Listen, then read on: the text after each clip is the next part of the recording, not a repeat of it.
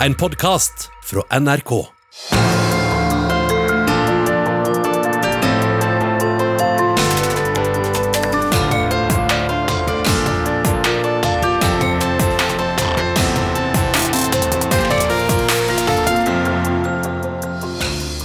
I disse dager må norske skistjerner forsvare at de er for gode. Samtidig går rekrutteringa til nasjonalidretten tilbake, og snøen som falt i fjor er et lyst minne. Risikerer vi som er fødte med ski på beina, å bli en skinasjon på bar bakke? Velkommen til programmet som hver veke tar mål av seg å gjøre deg litt klokere og litt mindre skråsikker. Disse dager på NRK P2 fra Tøyen torg i Oslo. I dag spør vi hva som skjer med skinasjonen Norge. Helg etter helg kan vi se norske langrennsløpere springe nærmest i flokk og gjøre rent bord i konkurransene, for etterpå å måtte forsvare at de er for gode. For med et monster av en smørebuss og et støtteapparat stort som et kinesisk partimøte, er norske langrennsløpere så dominerende at de blir skylda for å ødelegge idretten. Samtidig som færre unge melder seg inn i skisporten, spirer blåklokkene der det skulle ha vært skispor. Hvordan skal dette gå for et folk som er fødde med ski på beina?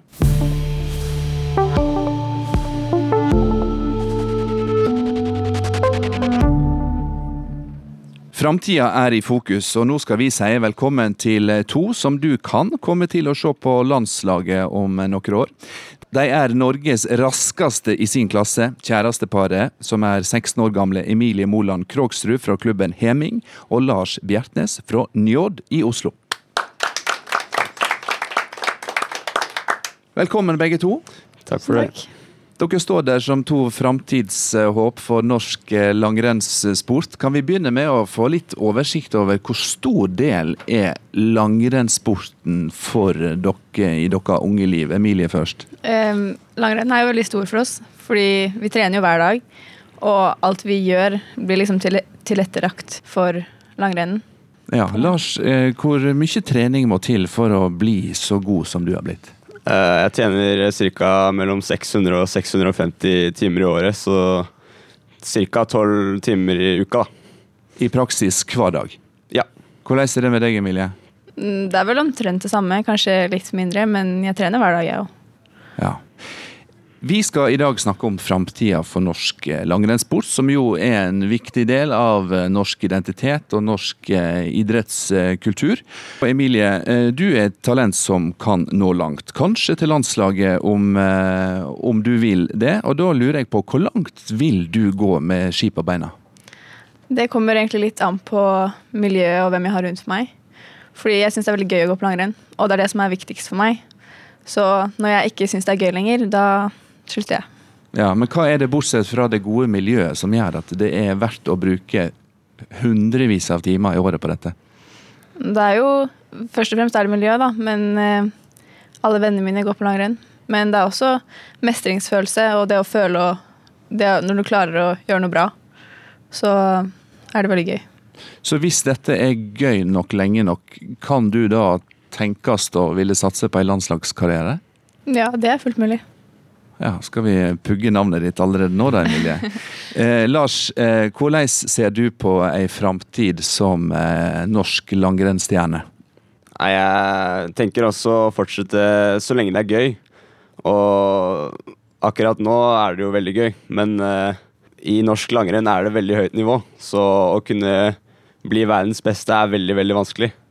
Og for å kunne leve av idretten må du nok eh, være blant de beste i verden. Mm.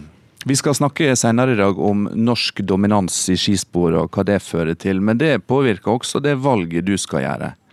Jeg har jo, Hvis jeg skal drive med langrenn for fullt, så har jeg jo lyst til å satse og bli eh, verdens beste skiløper. Men det er veldig vanskelig når vi har en såpass bredde i Norge. Så jeg tenker at det er kanskje viktig å kombinere skole og langrenn så lenge det kan gjøres, da. Mm. Emilie, dere var begge to på trening i går i nasjonalanlegget i Holmenkollen. Hvordan var treningsforholdene der? Det er lite snø, da. Vi gikk i en løype som var 700 meter. Um, fordi det produserer snø, og nå er det jo endelig kaldt nok til å produsere snø, men eh, enn så lenge er det bare 700 meter det er mulig å gå på. Og så er det helt bart utenom løypene. Dere går på ei lita stripe, 700 meter, mm. noen få meter brei. Ja. Og det er grønt uh, rundt dere, og krokusene spirer opp i, i villastrøka. Er ikke det en litt merkelig følelse? Mm, Jo, altså vi er jo vant til å kunne gå innover i marka og egentlig gå så langt vi vil. Så det er jo litt annerledes. Og det er jo litt dumt. Dere er jo begge sprintløpere, derfor kan det vel være at det fungerer. Men det må jo føles litt snodig òg? Ja, er, jeg syns det er litt trist, for det, moroa med, moroa med å være langrennsløper er jo å gå ut i marka på blå ekstraføre og ha, ha det hyggelig, da. Og være ute i naturen. Ikke en eh, 700 meters løype i Holmenkollen. Om framtida for norsk lang langrenn eh, kan verke mørk og uviss, så er i alle fall fortida minnerik og gullforgylt. Og Vegard, går du inn til gullmedalje?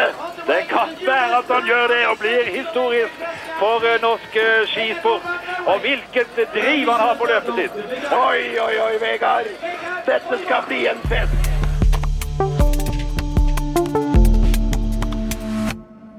Ja, vi tar vel imot eh, Kirkenes sin store sønn og Norges internasjonale skiambassadør, Vegard Ulvang. Velkommen til deg òg. Tusen takk. Her står du med to unge supertalent som skal eh, stake ut kursen sin si for framtida. Hva råd vil du gi dem? Ja, jeg syns de svarte godt for seg sjøl, at de skulle ha det moro. Og trives med det å gå på ski, og trives med det å være ute og drive fysisk aktivitet. Um, det er det aller viktigste. Eh, da, da kan de komme langt. Eh, og så vil jeg skyve alle sånne konkrete resultatmål langt eh, frem i fremtida. Det går ingen tog, de er veldig unge. Og så kan jeg jo helle litt kaldt vann i blodet på dem og si at det er veldig, veldig langt frem, som han var inne på her. Og at statistisk, hvis du snakker om en landslagskarriere, så kommer det kanskje én hvert syvende-åttende årskull som kommer på det såkalte Skiforbundets elitelag. Så, eh, men det er mulig. Eh, men det viktigste er å ha det moro. Eh, ikke glem eh, videregående skolen, få den med dere. Da har dere noe å falle tilbake på. Jeg kan jo Jeg var såkalt profesjonell på heltid til jeg var 35 år. Men jeg hadde en artium i bunn, eh, og jeg kan jo skrive under på at livet er langt etterpå. Så tenk litt fremover og få med dere en god artsum. Det sier pappa her i, i også. Men Vegard Ulvang, disse to her, Emilie og Lars, eh, var altså i fjor landets raskeste 15-åringer. Og de er fra Oslo by, oppvoksende mye nærere trikkesporene enn eh, skisporene. Eh, Hva tegn i tida er det, tenker du? Ja, det er et tegn på samfunnsutviklinga, for så vidt. Vi inne i en veldig sterk sentralisering, og skiløperne i dag kommer eh, kort og godt der, derfra det kommer, der hvor det bor mest folk. De kommer fra de store byene. Hvis man ser på hvem som har tatt poeng i Norgescupen for junior, som eh, de her skal opp i til neste år, hvor det er for øvrig over 1000 deltakere tre store helger i året. Så kommer de fra Kjelsås, de kommer fra Lyn, de kommer fra Rustad og Heming og Njord. eh, Og Byåsen i Trondheim og Tromsø og sånn. Så de kommer fra de store byene. Det er der det gås mest på ski nå blant de yngre. Og så kommer de fra ressurssterke klubber i ressurssterke deler av Oslo, eh, med tilgang til eh, tilrettelagte rulleskianlegg, eh, snøkanoner, tikker og går så, så lenge de kan. Er du oppvoksen i Kirkenes, og vi skal noen år tilbake i tid, hvordan er forskjellen på skiklubbmiljøene i byene og på bygda, der vi begge er fra? Det er nok en tendens til at det blir færre fra distriktene, eh, men rett og slett fordi det, det bor færre folk der. og Det er riktig som du sier at det, det kreves et miljø, først og fremst. Det er de færreste som driver på med her alene. Men også i min tid, når jeg vokste opp, så var vi hoved... Og da snakker vi om 70-tallet. eh, Så var altså de aller fleste i min skoleklasse, de spilte fotball. Så var vi noen ytterst få som gikk langrenn. Så det har alltid vært for de få de tøffe og sterkeste de går på ski, sier jeg alltid. Men det er klart det bor færre på distriktene, i distriktene enn det gjorde før. Eh, og tar du bort noen få ressurspersoner, så vil det prege skimiljøene. eh, og sånn. Så, men eh, altså, hele landet er fremdeles representert, og en liten tendens har det egentlig alltid vært, også i min tid, at disse her fra de her klubbene som de her representerer, de dominerer disse her yngste klassene. og så mot slutten av junior og i senior så kommer distriktene etter, og slik er det nok fremdeles, tror jeg. Men det er et eh, faktum at rekrutteringa til eh, norsk skiidrett, målt i medlemstallene til Norges Skiforbund, eh, går ned. Og argumentet Ja, for da må jeg arrestere deg litt. Skal du gjøre det nå, en, jeg kan vente? gjerne gjøre det med en gang, så kan du klippe til etter hvert. Men jeg må, for det var egentlig i innledninga det begynte her.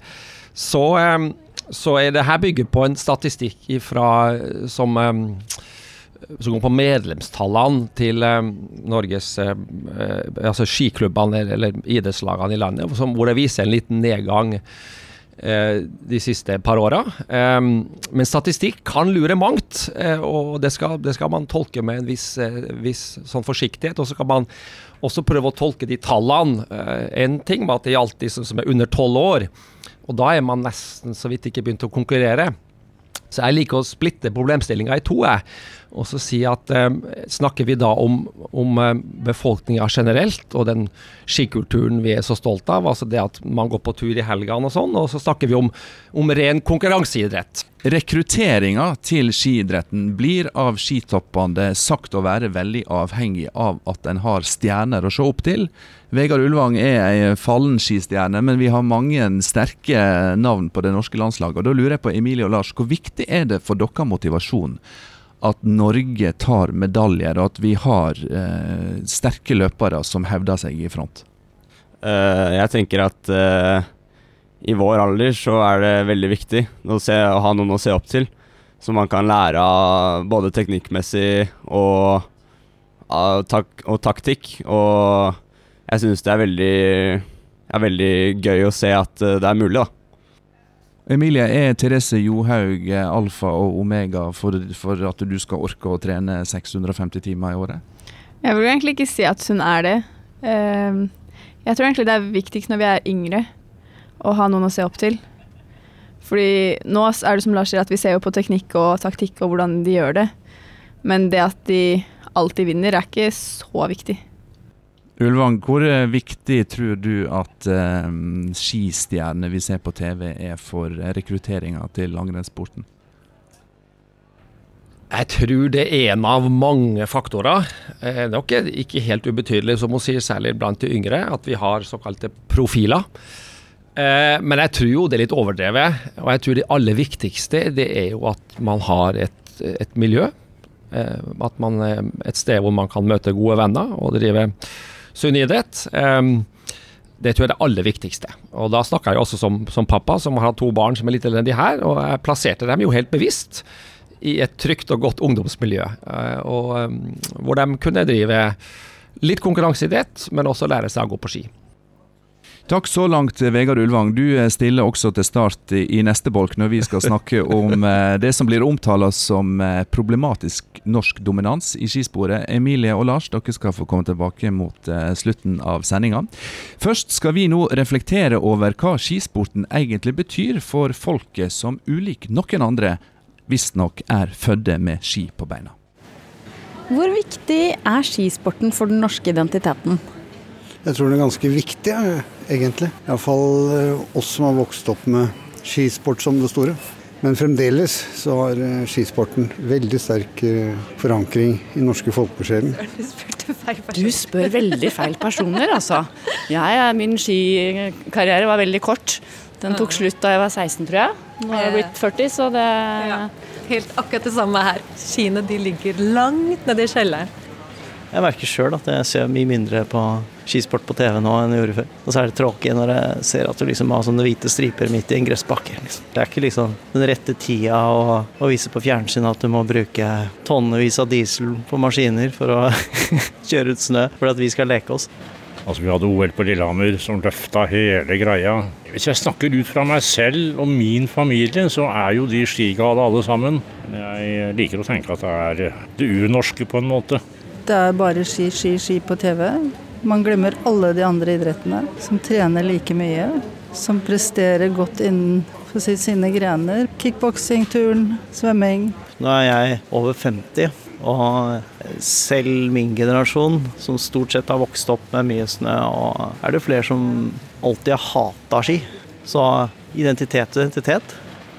Jeg tror folk har det gøy på flere måter nå. Både alt fra e-sport til um, helt andre type idretter. Klatring f.eks., som jeg driver med. Det er norsk identitet, det. Fjell, liksom. Der har du den.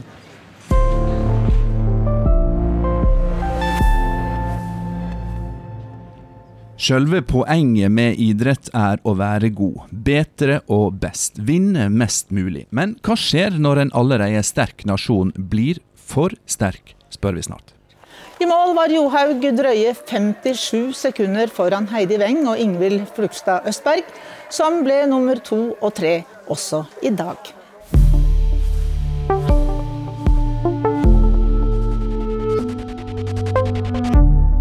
Stjernene på landslaget har et solid støtteapparat rundt seg. De små stjernetalentene i klubbene, barna og ungdommene, de har et mindre og mye mer sårbart støtteapparat. Som oftest er det mor og far. Nå skal vi ta inn hun som både er mor, skitrener og generalsekretær i Norges Skiforbund, Ingvild Bratten Berg. Velkommen, Ingvild. Tusen takk. Du eh, er jo både mamma, trener og skisjef. Hva vil du si er den mest eh, krevende av de tre oppgavene? Det kommer nok an på hvor i uka jeg er, men eh, akkurat da jeg sto opp i dag tidlig og tenkte hvordan skal jeg få til denne treninga på skitreninga med tiåringene mine i kveld, så var det der jeg var. Ehm, det er is på anlegget hvor vi skal ha trening i kveld, og jeg lurer på om jeg må sende ut melding om vi skal ha trening med joggesko på beina midt i februar. Det er is i eh, treningsløypa. Eh, dette er jo et anlegg som blir drifta av deg og andre foreldre, stort sett, ikke det? Jo, eh, klubben hvor jeg hører til har et, eh, et, anlegg som for så vidt kommunen drifter, men eh, som også de frivillige eh, foreldrene tar snøkanonvakter på nettene for å, å, være med og bidra til å legge til rette for at ungene skal ha, ha et sted. Og ikke bare ungene, altså, men hele egentlig befolkningen som bor i det området i mm. Oslo, bruker jo disse løypene. Mm. så det er en del av den frivillige virksomheten å være med å, og lage den snøen nå, som det er mange andre steder i landet. Du er altså generalsekretær i Skiforbundet, og da lurer jeg på, forvalter du først og fremst en del av norsk identitet og kulturhistorie, eller er du aller mest sjef for en pengedreven idrettsindustri? Ja, det er ett svar på det, men eh, jeg liker å, å si at, eh, at, jeg forvalter aktivitet for barn og unge. Det er, det er, derfor jeg har denne jobben. Det er det jeg syns er gøy med, med, jobben. Og så kommer alt det andre i tillegg. Men, men vi og Norges Skiforbund har et stort ansvar for å legge til rette for, for barn og unge. For at vi skal frem, fremover være en eh, nasjon bestående av skiløpere. Jeg tror jo toppidretten den vil nok alltid overleve, og den veldig spissen vil overleve. Men vi må være med og bidra til at vi har bredde nok til at vi får den spissen også i de årene som kommer. Mm. Og Da er spørsmålet hvordan eh, skal du og Skiforbundet klare å få til det? For vi skal snakke om framtida for norsk skisport, og eh, langrenn spesielt. For som en eh, norsk statsminister en gang sa, det er typisk norsk å være god. Men nå er spørsmålet om det har blitt typisk norsk å være for god. VG sin sportskommentator Leif Welhaven mener at den norske dominansen vi har sett i skispor i det siste, kan ødelegge nasjonalidretten innafra.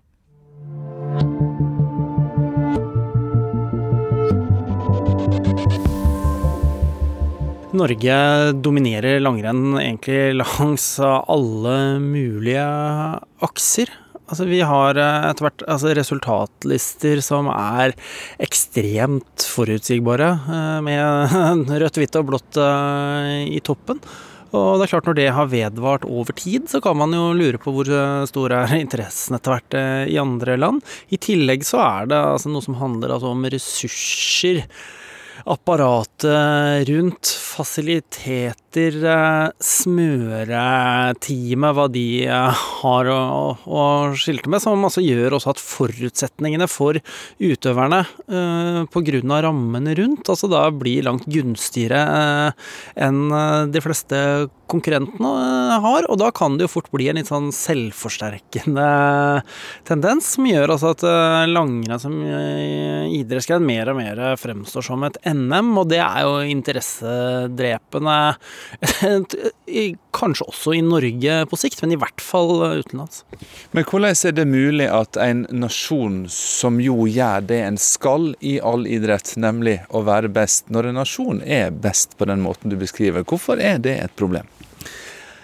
Altså, på en side så kan du si at eh, kritikken er eh, urettferdig eh, fordi Norge faktisk ikke har gjort noe annet enn å vinne. Men nå er det nå engang slik at det er forskjell på størrelse og utbredelse av idrettsgrener. Og det er noe med at konkurranse og dramatikk er altså en forutsetning for at en idrettsgren skal fremstå interessant. Og hvis det altså over tid blir slik at en nasjon tar altså en så stor andel av medaljene medaljene, så blir det et problem for interessen eh, rundt sporten. Og det vil jo da i ytterste konsekvens også ramme den nasjonen som vinner alt. Hvis sånn totalproduktet oppfattes altså som mye mindre gøy og, og stas, fordi man eh, ikke, ikke får altså den knivingen og den kampen mellom nasjonene som er litt av sånn grunnforutsetningene for eh, internasjonale idrettskonkurranser. Nå er det ikke lenge siden Therese Johaug måtte ut og nærmest nærmest forsvare at hun var så god etter sitt eh, comeback. Og du skriver i VG at medaljerushet, det har sin bakside. Hva er på baksida av disse medaljene? Det er selvfølgelig ikke Therese Johaug sin skyld på noe som helst måte at hun er usedvanlig eh, god til eh, å gå på ski, men eh, hvis det over tid blir altså for forutsigbart hvilken nasjon som vinner, parallelt med at man sliter med altså klimatiske utfordringer, snømangel, rekruttering som synker, avlyste skirenn osv., så, videre, så begynner det å bli ganske altså, mange fronter samtidig, hvor altså skiledelsen står overfor utfordringer, og prøver man sånn å sette seg inn ikke altfor mange år fram i tid, så går det an å undres over hvor langrenn kommer til å være. Og det går også an å stille spørsmål om altså, hvor mange olympiske øvelser det er berettiget at uh, langrenn faktisk uh, bør kunne ha, hvis ikke du har altså, en større spennvidde i toppen av resultatlistene enn det du ser. For det begynner altså å bli ganske lenge siden vi f.eks. hadde sentraleuropeiske land som, altså, som maktfaktorer Eh, i langrenn, og det trengs hvis man skal opprettholde en publikumsinteresse, en europeisk sponsorinteresse blant altså store konserner osv. Da kan ikke dette være forbeholdt så få mektige aktører. Nå står vi med grønn mark eh, rundt oss og, og plener som snart begynner å spire. Vi vet at eh, i Europa, i Alpene, er det også snømangel i, i lågere liggende strøk. Rekrutteringa til norsk langrenn går ned. Hva er din spådom for den delen av vinteridretten eh, noen tiår fram i tid? Det er all grunn til å være veldig bekymret eh, over dette. Det er klart altså Hvis du får mange snøfattige vintre på rad i en tid hvor vi allerede altså, sliter med økende konkurranse om eh, folks tid og oppmerksomhet, så er det klart at å begynne å, å gå langrenn for barn og unge når man ikke vokser opp altså med, med vintre med snø som en uh, helt uh, naturlig del av omgivelsene, så vil det bli problematisk. Og i det større bildet så er det liksom ingen enkel kvikkfiks her. Du kan holde på med kunstsnø her og kunstsnø der, men skal langrenn forbli altså en bred nasjonalidrett i Norge, så må man ha snø. Og klimautfordringene peker jo dessverre i fullstendig gal retning. Nå står generalsekretæren i Norges Skiforbund og hører på deg i studio. Mener du at hun som relativt ny, nyansatt generalsekretær har fått et nærmest uløselig problem i fanget?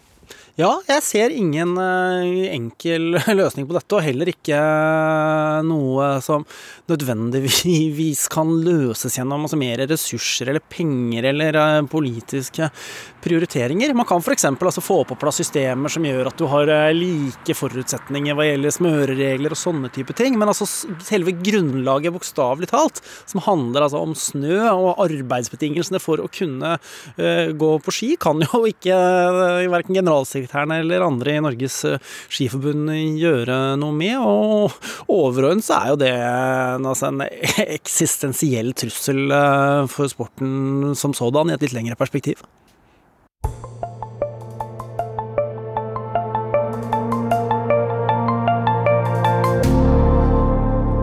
Det er ingen enkel løsning på utfordringene i skisporten, mener Leif Welhaven i VG. Hun som kjemper kampen på mange fronter mot rekrutteringssvikt, snømangel og uspennende skirenn, ifølge noen, det er generalsekretæren i Skiforbundet, Ingvild Brattenberg. Og da spør jeg, hva er den viktigste kampen din, Ingvild? Av alle du kan velge mellom? Ja, det, det, det, finnes et enkelt svar på det. Eh, fordi det er en enkel løsning på noe av dette. Men jeg tror den viktigste kampen for skidretten er å sørge for, nettopp som Emilie og Lars her sa innledningsvis, vi må sørge for at ungene har det gøy når de er sammen med oss i aktiviteten. Da tror jeg kanskje at uh, det er greit å ha noen treninger med joggesko uh, på beina, men det må være gøy, det må være uh, et sosialt fellesskap, det må være en positiv aktivitet. Um, det er nok kanskje en kamp som vi, og som vi snakker mye om hos oss. Hvordan skal vi få til det? Og så kommer alt det andre i tillegg. Mm. NRK har tidligere publisert tall som viser at siden 2011 så har hvert fjerde barn mellom 6 og 12 år blitt borte fra Skiforbundets medlemslister. Eh, og verst er det i langrenn. Hva er årsaken til det, tror du? Ja, det er veldig mange sammensatte årsaker. Og så er det litt som uh, Vegard Ulvang var inne på her i stad, at når man ser dette kanskje i 20 års perspektiv, så hadde vi tilsvarende økning fra 2001 til 2011. Så her kan jo statistikken brukes litt sånn som man uh, finner det for godt. Um, men uh, vi har spurt klubbene våre hva som er den største utfordringen de opplever, og de opplever jo dette med konkurranse fra andre aktiviteter. og jeg ser mine egne barn. Um, fotballklubben den nærmeste fotballklubben hos oss, den, den stiller krav til at de barna skal være til stede fra de er ti år, fire treninger i uka. Og da blir det jo vanskelig å få plass til den skitreningen i tillegg. Så vi må nok gjøre også et arbeid med de andre særforbundene og snakke litt om um, variasjonen i aktivitet vi skal tilby, slik som det var før. Fotball på sommeren, ski på vinteren. Nå har også fotballen blitt en helårsidrett. Det er faktisk også en trussel for skiidretten. Mm. Ja, for halvidrettene, fotball, håndball, eh, turn, eh, er jo på frammarsj. Vegard Ulvang, eh, du er altså leder for langrennskomiteen i Det internasjonale skiforbundet. Hva mener du er det viktigste Ingvild og de norske skisjefene skal gjøre for at ikke denne paradegreina i norsk idrettskultur skal bli ødelagt? Ja, eh, det er mye jeg har lyst til å kommentere her. Alt som er sagt tidligere, men jeg vet ikke om det er tidspunkt for det nå eller ikke. Men det viktigste er jo selvfølgelig å sørge for at vi har, at vi har anlegg å, å, å drive idrett i. Um, og da snakker vi om der hvor det er behov for det. Dvs. Si nå på denne akkurat i dag eh, eller du, denne vinteren her på Østlandet eller på, i Oslo-området så er det lite snø. Fra Trøndelag og nordover så er det heldigvis veldig vakkert og fint skiføre nå. Eh, men vi må ha anlegg og vi må ha miljø å drive idrett i, og det har vi. Og så eh, til det som er sagt tidligere her, så er rykten om langrennssportens død den er betydelig overdrevet. Um, og den um, Jeg har vært tett på denne diskusjonen og disse skriveriene i snart 40 år. og og de kommer igjen, og de kommer igjen. Eh, og de, eh, man elsker liksom å nappe litt i oss. Eh, hvis man ser på deltakelsen i hovedlandsrenn som de her to unge akkurat har vært og, og fortalt om, eh, som var i helga, eh, og junior-NM og kretsmesterskap tilbake til 70-tallet, eh, så vil man se at det går i bølger. Og i dag så er vi omtrent på nivå med når jeg og Tor Gottaas gikk eh, hovedlandsrenn på 70-tallet. Men samtidig så, så, har vi situasjoner, mm. Ulvang, på, ja. Eh, på skistadionet eh, der den norske dominansen er veldig eh, lett å se. Det er nasjoner som ikke tar seg råd til å sende løpere til eh, konkurranse, og Norge har et støtteapparat som overgår eh, alle andre sitt.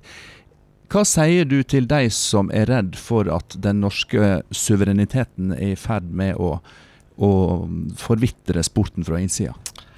Ja, også der så liker jeg å se de lange historiske linjene. Eh, og også der så er ryktene om våre store problemer betydelig overdrevet. Hvis vi ser på hvem som har dominert denne langrennssporten fra 20-tallet til i dag, så er det skandinaver og, og russere, eh, med et og annet eh, kuriøst innslag fra Italia og Tyskland eh, av og til. Men stort sett så er vi en skandinavisk idrett. Um, og, og, det vil vi fortsette å være, det må vi regne med. Um, og så må jeg få si litt om denne voldsomme ressursbruken. Um, det som er hovedårsaken til at vi dominerer i dag så stort, det er at vi i de her såkalte hovedlandsrenn og juniorrenn og slikt, så har vi i Norge 1100 deltakere, stort sett. Eh, og det er mens man i Sverige bare har 300-400. Um, um, og ut fra den voldsomme bredden så blir det en, en stor topp, og det er mange som går på. Og så har vi en, en økonomi som, gjør det forsvar, eller som har ført til at så mye som kanskje 100 menn har råd til å være, eller bli finansiert til å være sånn såkalt semiprofesjonelle. Vi har mange som driver med det her, og det gjør oss også gode. Og, og når det gjelder ressursbruken og smøretrailere og sånn, som er sånn vanlig standardforklaring, så, så er det ikke slik at vi bruker noe særlig mye mer penger enn våre, våre hovedkonkurrenter på akkurat den biten. og sånn. Men vi er flinke, og vi har vært flinke lenge, og det kommer vi til å være, og vi kommer til å dominere det. Og hvis du spør om det er et sånt kjempeproblem, så har jeg også fulgt TV-statistikken de siste 30 åra ganske tett. og sånn, Selv om man ikke er så god i Tyskland om dagen, så har ikke TV-tallene falt. Det er like mange tyskere som ser på oss nå som det var da tyskerne vant verdenscupen tre år på rad på 2000-tallet. Så, så, jeg klarer ikke å se den store dramatikken i det her. Nå skal vi koble over fra eh, skistjerna til skisjefen. Uh, Ingvild, er det egentlig noe poeng i å bruke store ressurser på en idrett som det kanskje i framtida bokstavelig talt ikke er grunnlag for å drive? Det er et poeng eh, å, å, ha denne nasjonale følelsen når man ser de medaljene. Jeg tror for, for veldig mange at, at, det gir den samme positive følelsen Eh, når Therese vinner, som når en skøyteløper vinner, som når fotballandslaget gjør det, gjør det bra. Og så må man skille denne debatten litt, og det er som Vegard sier, hva er det som gjør eh, Er forskjellen på Norge og andre nasjoner? Vi har 1150 skiklubber i Norge. Eh, ved forrige OL så hadde vi noen og 30 medaljer fra samme antall, 23 klubber fra 13 skikretser. Altså det er utbredt i hele Norge. Det er et like stort en like stor begrunnelse som ressursen, egentlig. Det er den store utbredelsen, og det er jo det vi står og snakker om nå, er jo hvordan skal disse tingene henge sammen uh, i framtida. Samtidig som du sa i stad, at den spisse enden av langrennssporten, altså eh, eliteløperne, de kommer til å ha jobb også i framtida. Men når det gjelder langrenn som folkesport, så ser framtida mørkere ut. Ja, så Man kan jo tenke seg hvis man bor eh, her, Nå er vi jo i Oslo på Tøyen her i dag. Hvis man bor her nede, så har man et kanskje og normalt etter å gå med ski på beina, så tenker man at det er det første man skal dra og gjøre når man ikke har et snøfnugg der man er. Uh, så jeg tror jo at det er folkesporten av dette som blir utfordringen framover, rett og slett. Jeg har sjøl vært på mange skiturer i år. Det, jo, det har ikke vært så mange steder å gå. Nei, og så tenker jeg på hvis det vokser opp generasjoner som ikke, eller iallfall knappast, har hatt ski på beina. Hva interesse har de av å se norske eliteløpere konkurrere da, når ikke de har noe forhold til å gå på ski? Vi har fantastiske TV-tall på alle våre eh, konkurranser. Og, og når 1,2 eh, millioner mennesker sitter og ser eh, inngangen på Tour de Ski eh, helga etter eh, nyttår, så eh, det er ikke sikkert alle de hadde vært på skitur uansett. Um, så jeg tror at interessen å se på dette, fordi at det er dramaturgi, det er nasjonalfølelse, det er Man greier å leve seg inn i det selv om man etter har hatt ski på beina. Så det er jeg så bekymra for. Og de fantastiske TV-tallene må vi jo for ordens skyld si er i tilbakegang. Eh, folk flest ser jo uansett mindre på TV, og også mindre vintersport. Vegard Ulvang, til slutt. Jeg skjønner jo at du gjør ditt aller beste for å rive ned et eh, bilde her, altså. Det du sier er bare tull. er det bare tull? Det er bare tull! Hvor har du det fra? At folk ser mindre på TV enn ja, før? Ja, folk ser mindre på TV, og for, og, og, men de ser ikke noe mindre på idrett. Nei. Og verdien av disse her, og det å selge slike avtaler, stiger i verdi. Så dette her har ikke Du, du, du bygger på tynt grunnlag, du. Spørsmålet mitt, som du nå er i full gang med å svare på, var Ja. om du som har holdt på med dette her i, tiår, Ja. Ja. var det bedre før på noe vis? Alt var bedre før, det kan vi alltid si. Eh, nei, det var ikke det. det. Og det går ikke noe færre folk på ski nå heller. Eh, og, eh, og som vi var inne på, jeg liker å dele her mellom altså konkurranseutøvere. Der er vi rekruttering i massevis, og jeg er ikke bekymra for den fremover. Fordi eh, folk vil finnes ned der den er, man vil lage kunstnere. I ganske mange år enda, så langt som vi ser i hvert fall, så har vi mer og mer kunstneranlegg eh, der hvor det er i de folkerike delene av landet.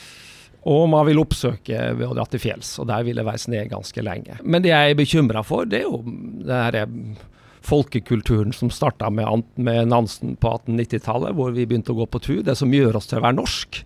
Denne skituren i helga. Hadde det vært skiføre i Oslo nå, så hadde du kanskje sett 100 000 mennesker på ski en søndag.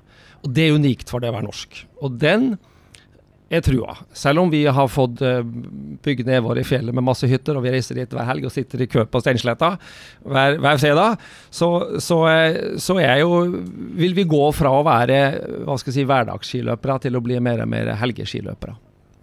Takk skal du ha, Vegard Ulvang, leder i eh, langrennskomiteen i Det internasjonale skiforbundet. Takk også Ingvild Brattenberg, generalsekretær i Skiforbundet.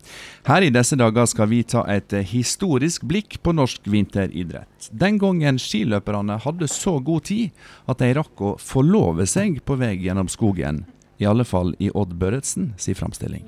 Før, f.eks. under olympiaden i 1952, fikk 50 km-løpere kriser i skogen. Underveis. Kanskje flere kriser. Og da stanset skiløperen og tenkte Hvor er det jeg skal? Hva er hensikten? Og trærne sto snøtung rundt skiløperen, og skiløperen står der i skogen og tenker kanskje Hvordan har mor det nå? Så gikk han videre. Det er få som kjenner norsk skihistorie så godt, og som så gjerne snakker om den, som folklorist og forfatter Tor Gåtås. Velkommen til disse dager. Var det slik, eh, Tor, før i tida at skiløperne hadde tid til å tenke både på mor og meninga med livet? Det som Odd Børresen sier er så klart bare tull, for at løpere da i 1952 de ble beskyldt for å stresse videre. For da satt de ikke ned i det hele tatt, da gikk de videre og drakk. Harald Mortmann som lever i dag, han sa at da han begynte da å gå 5 mil i 49, så ble han eh, sett litt rart på, for han satt faktisk ikke ned, så han gikk videre. Så det, det er sånn noe som Børresen oppi huet sitt har konstruert, men det er en morsom, morsom, morsom historie. Tor Gåtås, eh, hvorfor har vintersport, og spesielt langrenn, blitt en så viktig del av den norske identiteten? Det er et langt svar egentlig på det, men Vegard sa noe med Nansen. Eh, Vi, jo, vi gikk jo på ski ut av unionen fra Sverige i 1905. og eh, de fleste nordmenn er vokst opp i eller nær naturen. Vi er et naturfolk fortsatt. Hvis du spør folk hvorfor det er fint i Oslo, så er det fordi det er nær marka. I Bergen er det nær fjellet. Altså. Vi er et naturfolk, og det å slite har vært viktig i Norge for å overleve. I Norge så har vi alltid måttet slite for å overleve, og skiløperne er dagens eh, sliter. De sliter for oss på TV. Vi kan sitte i sofaen og se på at de sliter for oss, så kan vi heie og og bli rives med av det. Så, så det er en blanding av mange ting. Eh, og, og at det i tillegg er morsomt. Det er veldig artig å gå på ski. Langrenn. Vi må huske på det at langrenn var forbudt for unger fram til 1963. Det var ikke for lov for damer. Og i 1958 så skrev Dagbladet hvor, hvor sakte og stygt de norske damene gikk. Så i dag skriver de at det går for fort. Så det, alt er gærent. Så det her forandrer seg. Pressen har jo en tendens til å forvrenge ting. og Eh, skihopping var da ikke farlig. Eh, det var ikke farlig å hoppe 70 meter uten hjelm og, og, falle, men det var farlig å gå langrenn, sa legene og journalistene. Altså, så, som Bob Dylan sa, the times are changing, men det er mye som er det, samme, da. Men du refererer til hoppsporten. Eh, før i tida har jeg inntrykk av at det sto en hoppbakke i hver ei grend. Eh, folk gikk mann av huset for å se eh, skøyteløp. Eh, det er ikke så mye av det nå lenger. Hva er det som har skjedd i disse Vintersportsgreiene? Det er mye som har skjedd, men da TV-en kom i 60-åra, så ble langrenn veldig populært. Og da jenter og gutter fikk lov til å gå langrenn fra de var 12 år, så ble langrenn veldig populært. Og det jo, henger jo sammen med turgåing. Men skihopping det fant ut var farlig, og, og det ble en mer ekstrem idrett med store bakker. Det hadde vært mindre bakker før, og skøyteløp var jo basert på, basert på at det var naturis, ikke kunstis. eh, Og du måtte ha plutselig ha store anlegg for å skjø gå skøyteløp, i stedet for å ha de naturanleggene som var. Så det, I dag må du ha en halv til flere hundre millioner for å gå på skøyter. Så det er noe med at eh, det har blitt mer komplisert å gå skøyter sånn som det er i dag. Mens langrenn kan du fortsatt gå overalt. Og det som er fint med langrenn, er at du har så veldig mye fine løyper i hele Norge. Du har hundrevis av maskiner som går hver eneste dag det er snø. Så det har aldri vært så fint å gå langrenn i Norge som i dag. Det har vært eh, veldig god vinter i år på Østlandet. Eh, I Brumunddalen så har det gått på ski fra eh, november. På eh, Frognersetra har de kjørt løyper sju uker fra november eh, til ut januar. Så det er det at eh, hvis det ikke er snø der hvor folk bor, og flere bor i en by, så tror folk at det ikke er snø, men de må komme seg ut i skogen og se hvor snøen er. For de må ikke sitte inne i et hus og tro det ikke er skiføre. De må gå ut i skogen og se at det er faktisk skiføre mange steder. La oss snakke litt mer om snøen som faller i fjor, Tor. For du har i eh, over 20 år intervjua tidligere skiløpere. Hva lærer de oss om utviklinga i eh, skiidretten i Norge? Eh, De har lært oss mye, bl.a. at skiløpertypen Langrenn vil ikke dø ut så lenge det er snø i Norge, det er jeg helt overbevist om. Og typen er den samme. Det, både langrennsløpertypen og det her, det her for å bli god skiløper eh, er jo, som Vegard sa, og som de to andre rekruttene sa, det er å ha det moro. Eh, de som går, på, går langrenn, altså det, det er veldig spesielt. For, for hvis du slutter eksempel å svømme som aktiv, så, så er det mange som slutter å svømme. Men langrennsløpere fortsetter å gå på ski. Det er et eller annet med kjærligheten til skisporten og til og det å gå på ski. Det er noe som ligger dypt i mange, og det forsterkes jo bl.a. av media, som er veldig positive. Så vi har en kultur her hvor det å gå på ski er ansett som bra, og det er noe som vi får med oss i oppveksten. og eh, Uansett, i Norge om du hater langrenn, så har folk ofte respekt for langrennsløpere. For de har respekt for slitere. I Norge må du være en sliter for å bli en folkehelt. Du må være alminnelig. Du gjør det jo alminnelig, og gjerne prate en dialekt. og Gjerne vinne femmer hvis du er mann. Og så ser vi disse sliterne på TV, stort sett, eh, de fleste av oss. Selv om vi hadde en liten diskusjon med Ulvang om hvor mange som ser på. Spørsmålet, Tor, hvor viktig har mediene våre for utviklinga av eh, norsk vintersportsidrett? Jeg tror det er veldig viktig, for da idretten kom i slutten av 1800-tallet, så sa jo media at det her er bare tull, det er ikke noe å skrive om, sa avisene da. De skulle referere stortingsreferater og sånn. Men så begynte avisen å skrive. Sportsmann kom i 1913, inspirert av Stockholm-målen 1912. Så, så var det sendinger fra Holmenkollen fra 1927, og TV-sendinger da i, i, 19 fra 1960, altså, og nå internett. Så media har vært viktig og er viktig, så, så det er en del av den store pakka. Og, å, å se på TV, da, eller høre på radioen med, med skisport. Nå har vi jo en diskusjon gående om framtida for langrennssporten. De som eh, jobber i Skiforbundet og i eh, Det internasjonale forbundet, mener jo at eh, vi vil alltid fortsette å gå på langrenn. De som står på sidelinja er mer uroa over hva som skjer. Spørsmålet til folkloristen eh, Tor Gåtås. Hvis vi skulle komme dit hen at vi mista langrenn som en del av folkesporten, hva mista vi da? Det er vanskelig å si det, jeg tror ikke det vil skje. Men eh, jeg tror at media har som oppgave tror, Media tror, sjøl at de har som oppgave alt å kritisere ting som de ikke trenger å kritisere. Men eh, jeg, tror vi, jeg tror vi vil beholde det, det, det er egentlig umulig å svare på. Men jeg, jeg, jeg er optimist. Jeg, jeg er veldig helt sikker på at langrenn vil overleve som konkurranseidrett. Jeg er vel helt sikker at langrenn vil overleve som turgåeraktivitet. Men som Vegard sier, hverdagsskiløpinga kan kan bli litt uh, mindre vanlig hvis alle skal bo midt i en by. Men hvis du drar opp i Nordmarka, så er det fortsatt snø der, men det bor ikke noe folk der, for det er markagrensa er satt. Du får ikke lov til å bo i Nordmarka. Eh, Så, så, så, og hvis du snakker med folk som bor oppe i Østerdalen, så har det vært en veldig bra vinter, og, og Trøndelag og, og Nord-Norge. så det er sånn at uh, veldig mange bor rundt Oslofjorden, og her er det ofte Når det er nedbør her, så er det ofte på grensen mot snø og regn. Og, og det regner ofte i byen også. Så, så, det, så det er noe med at uh, vi må ikke tro Jeg snakka med en sørlending i går, det har vært veldig bra snøvinter, sa han på der på Sørlandet. Så de, Oslo er jo en ganske usentral del plassert i Norge, langt sør ved kysten, så, så ja. Hvis vi snur på spørsmålet, da. Hva element er de aller viktigste som vi har med oss i norsk identitet fra vintersporten? Jeg tror det er naturen. Eh, Det å komme seg ut i naturen, elske naturen, eh, like å bevege seg, gå på tur. Og hvis du spør nordmenn som bor i utlandet, hva savner de? De savner da gjerne vinteren, de savner gjerne naturen. Og er det fint å bo i Oslo? Ja, det er like nær marka.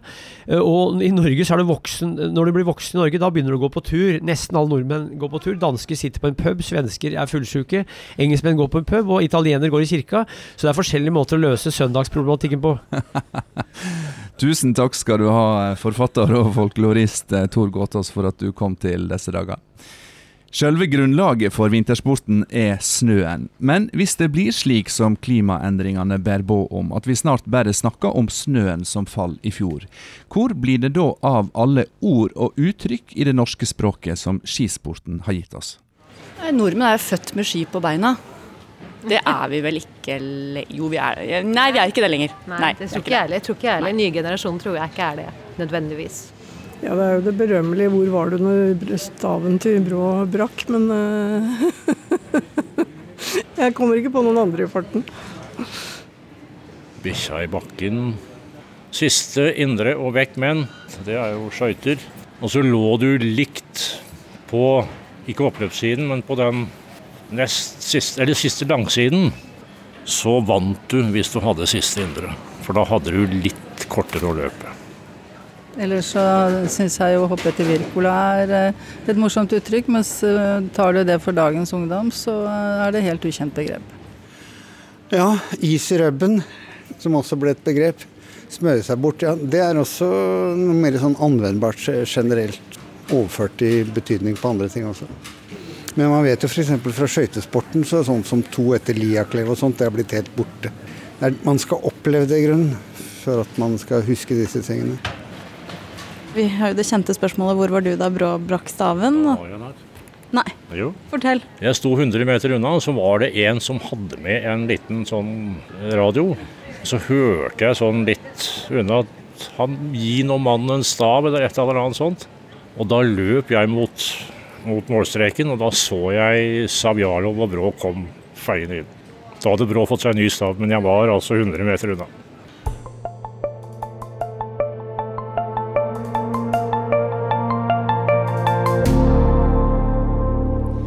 I en av de nye Flåklypa-filmene lager Reodor Felgen ei snøkanon som kan lage snø i plussgrader. Og nå er forskere ved Sintef og NTNU i gang med et prosjekt som skal gjøre filmfiksjon virkelig. Ski-Norge må nemlig belage seg på å lage sin egen vinter. Vi skal snakke med Skiforbundet sin ansvarlige for prosjektet Snow for the Future, Marit Gjerland, og klimaforsker ved Meteorologisk institutt, Reidun Gangstø Skaland. Velkommen begge to. Aller først, Reidun, kan ikke vi begynne med selve grunnlaget for vinteridretten, nemlig snøen, og så tar vi et værvarsel for de neste 50 år?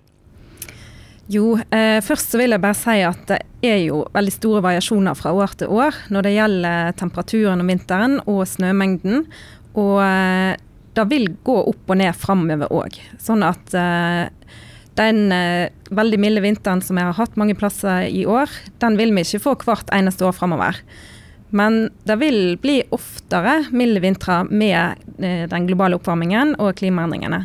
For vi har en underliggende temperaturøkning, og eh, det gjør òg at eh, det en god del plasser vil bli mindre snø de neste 50 årene. Ja, fordi For noen uker siden så la dere fram en rapport som konkluderer med at om 50 år så vil flere enn 1 million nordmenn bo i områder med mindre enn én vintermåned.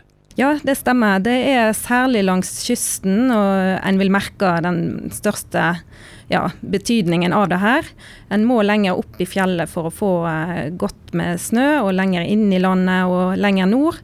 Og eh, temperaturene har allerede gått opp, og ja, kommer til å gå, gå videre oppover.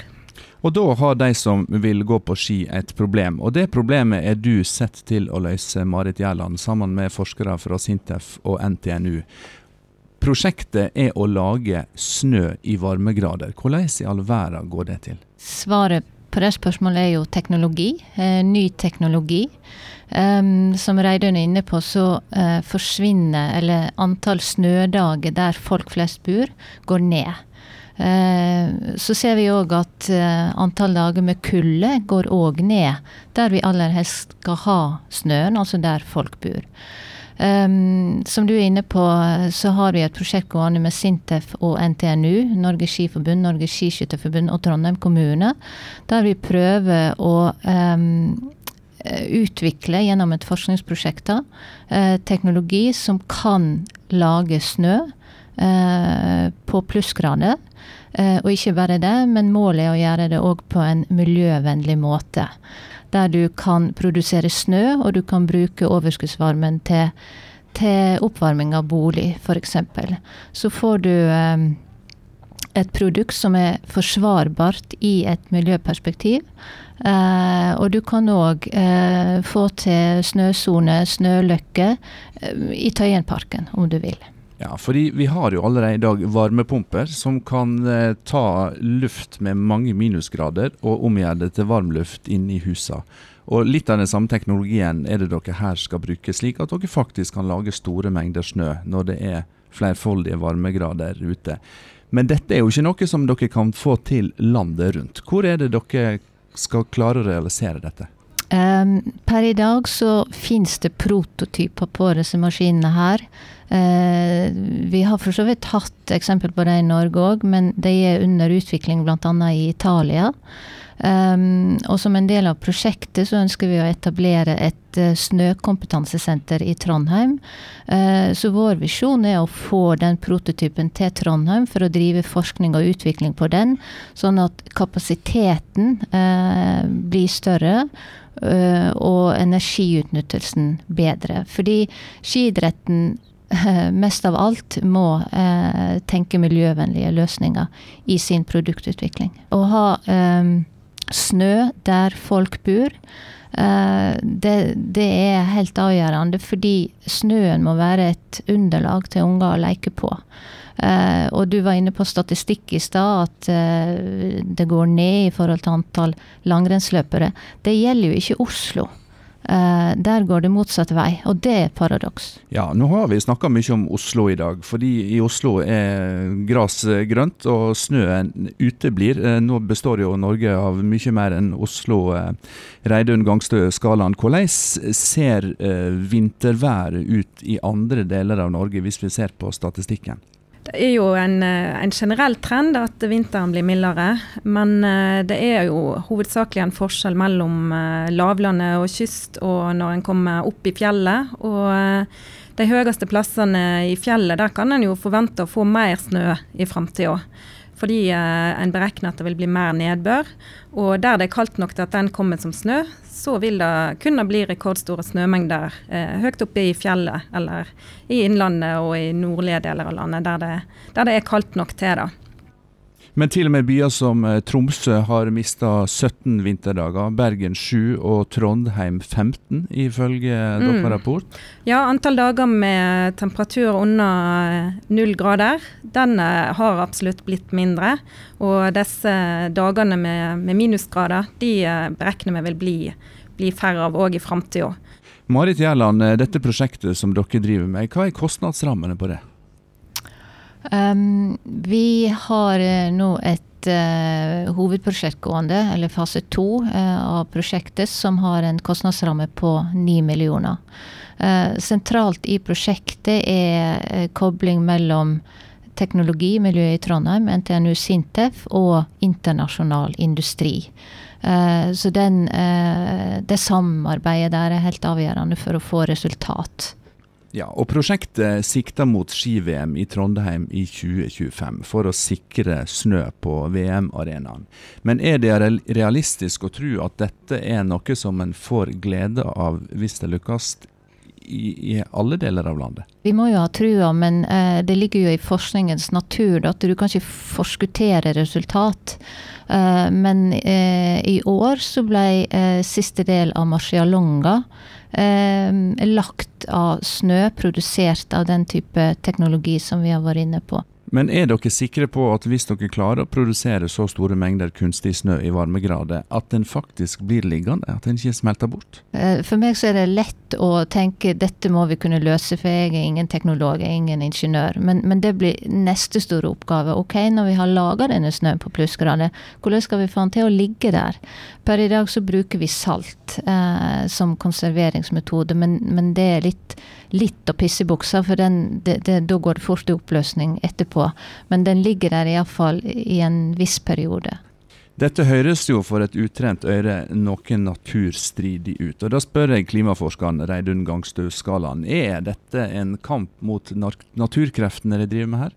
Ja, Hvis en trenger minusgrader for at snøen skal holde seg, så vil jo dette være et problem i større og større områder i, i framtida. Eh, For en ser jo at det blir færre og færre dager med minusgrader, og at eh, det området med kulde det trekker seg innover og oppover i høyden. Men eh, ja, jeg håper jo at en kan få til noen løsninger så en kan, kan få til mer snø òg i framtida. Vi får se hvor det går. Tusen takk skal dere ha, Reidun Gangstø Skaland fra Meteorologisk institutt og Marit Gjerland fra Norges Skiforbund.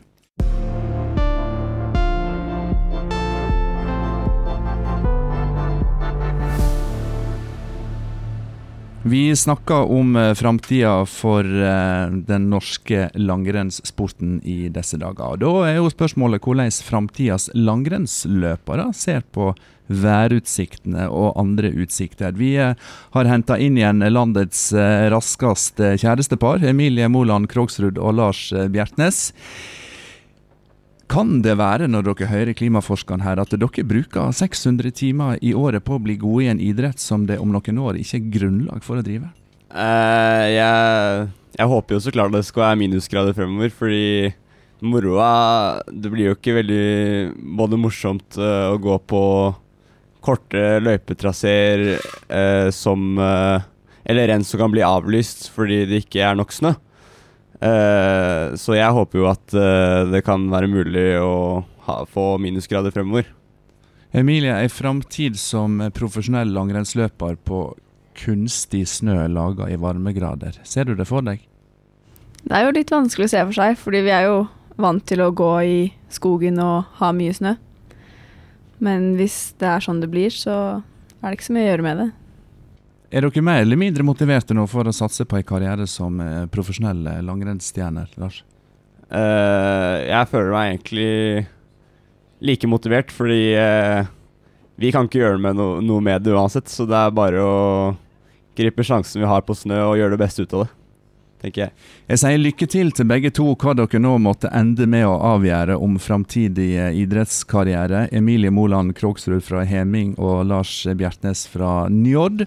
Tusen takk for at dere kom til disse dager. Vi eh, går i mål her, og de som stilte til fellesstarten i dag, var Helge Marie Thorsdotter Svensson og Fredrik Nordin som tekniske ansvarlige.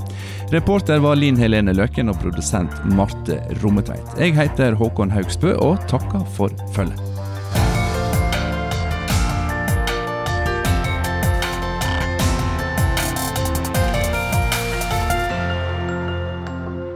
Du har hørt en podkast fra NRK. Hør flere podkaster og din favorittkanal i appen NRK Radio.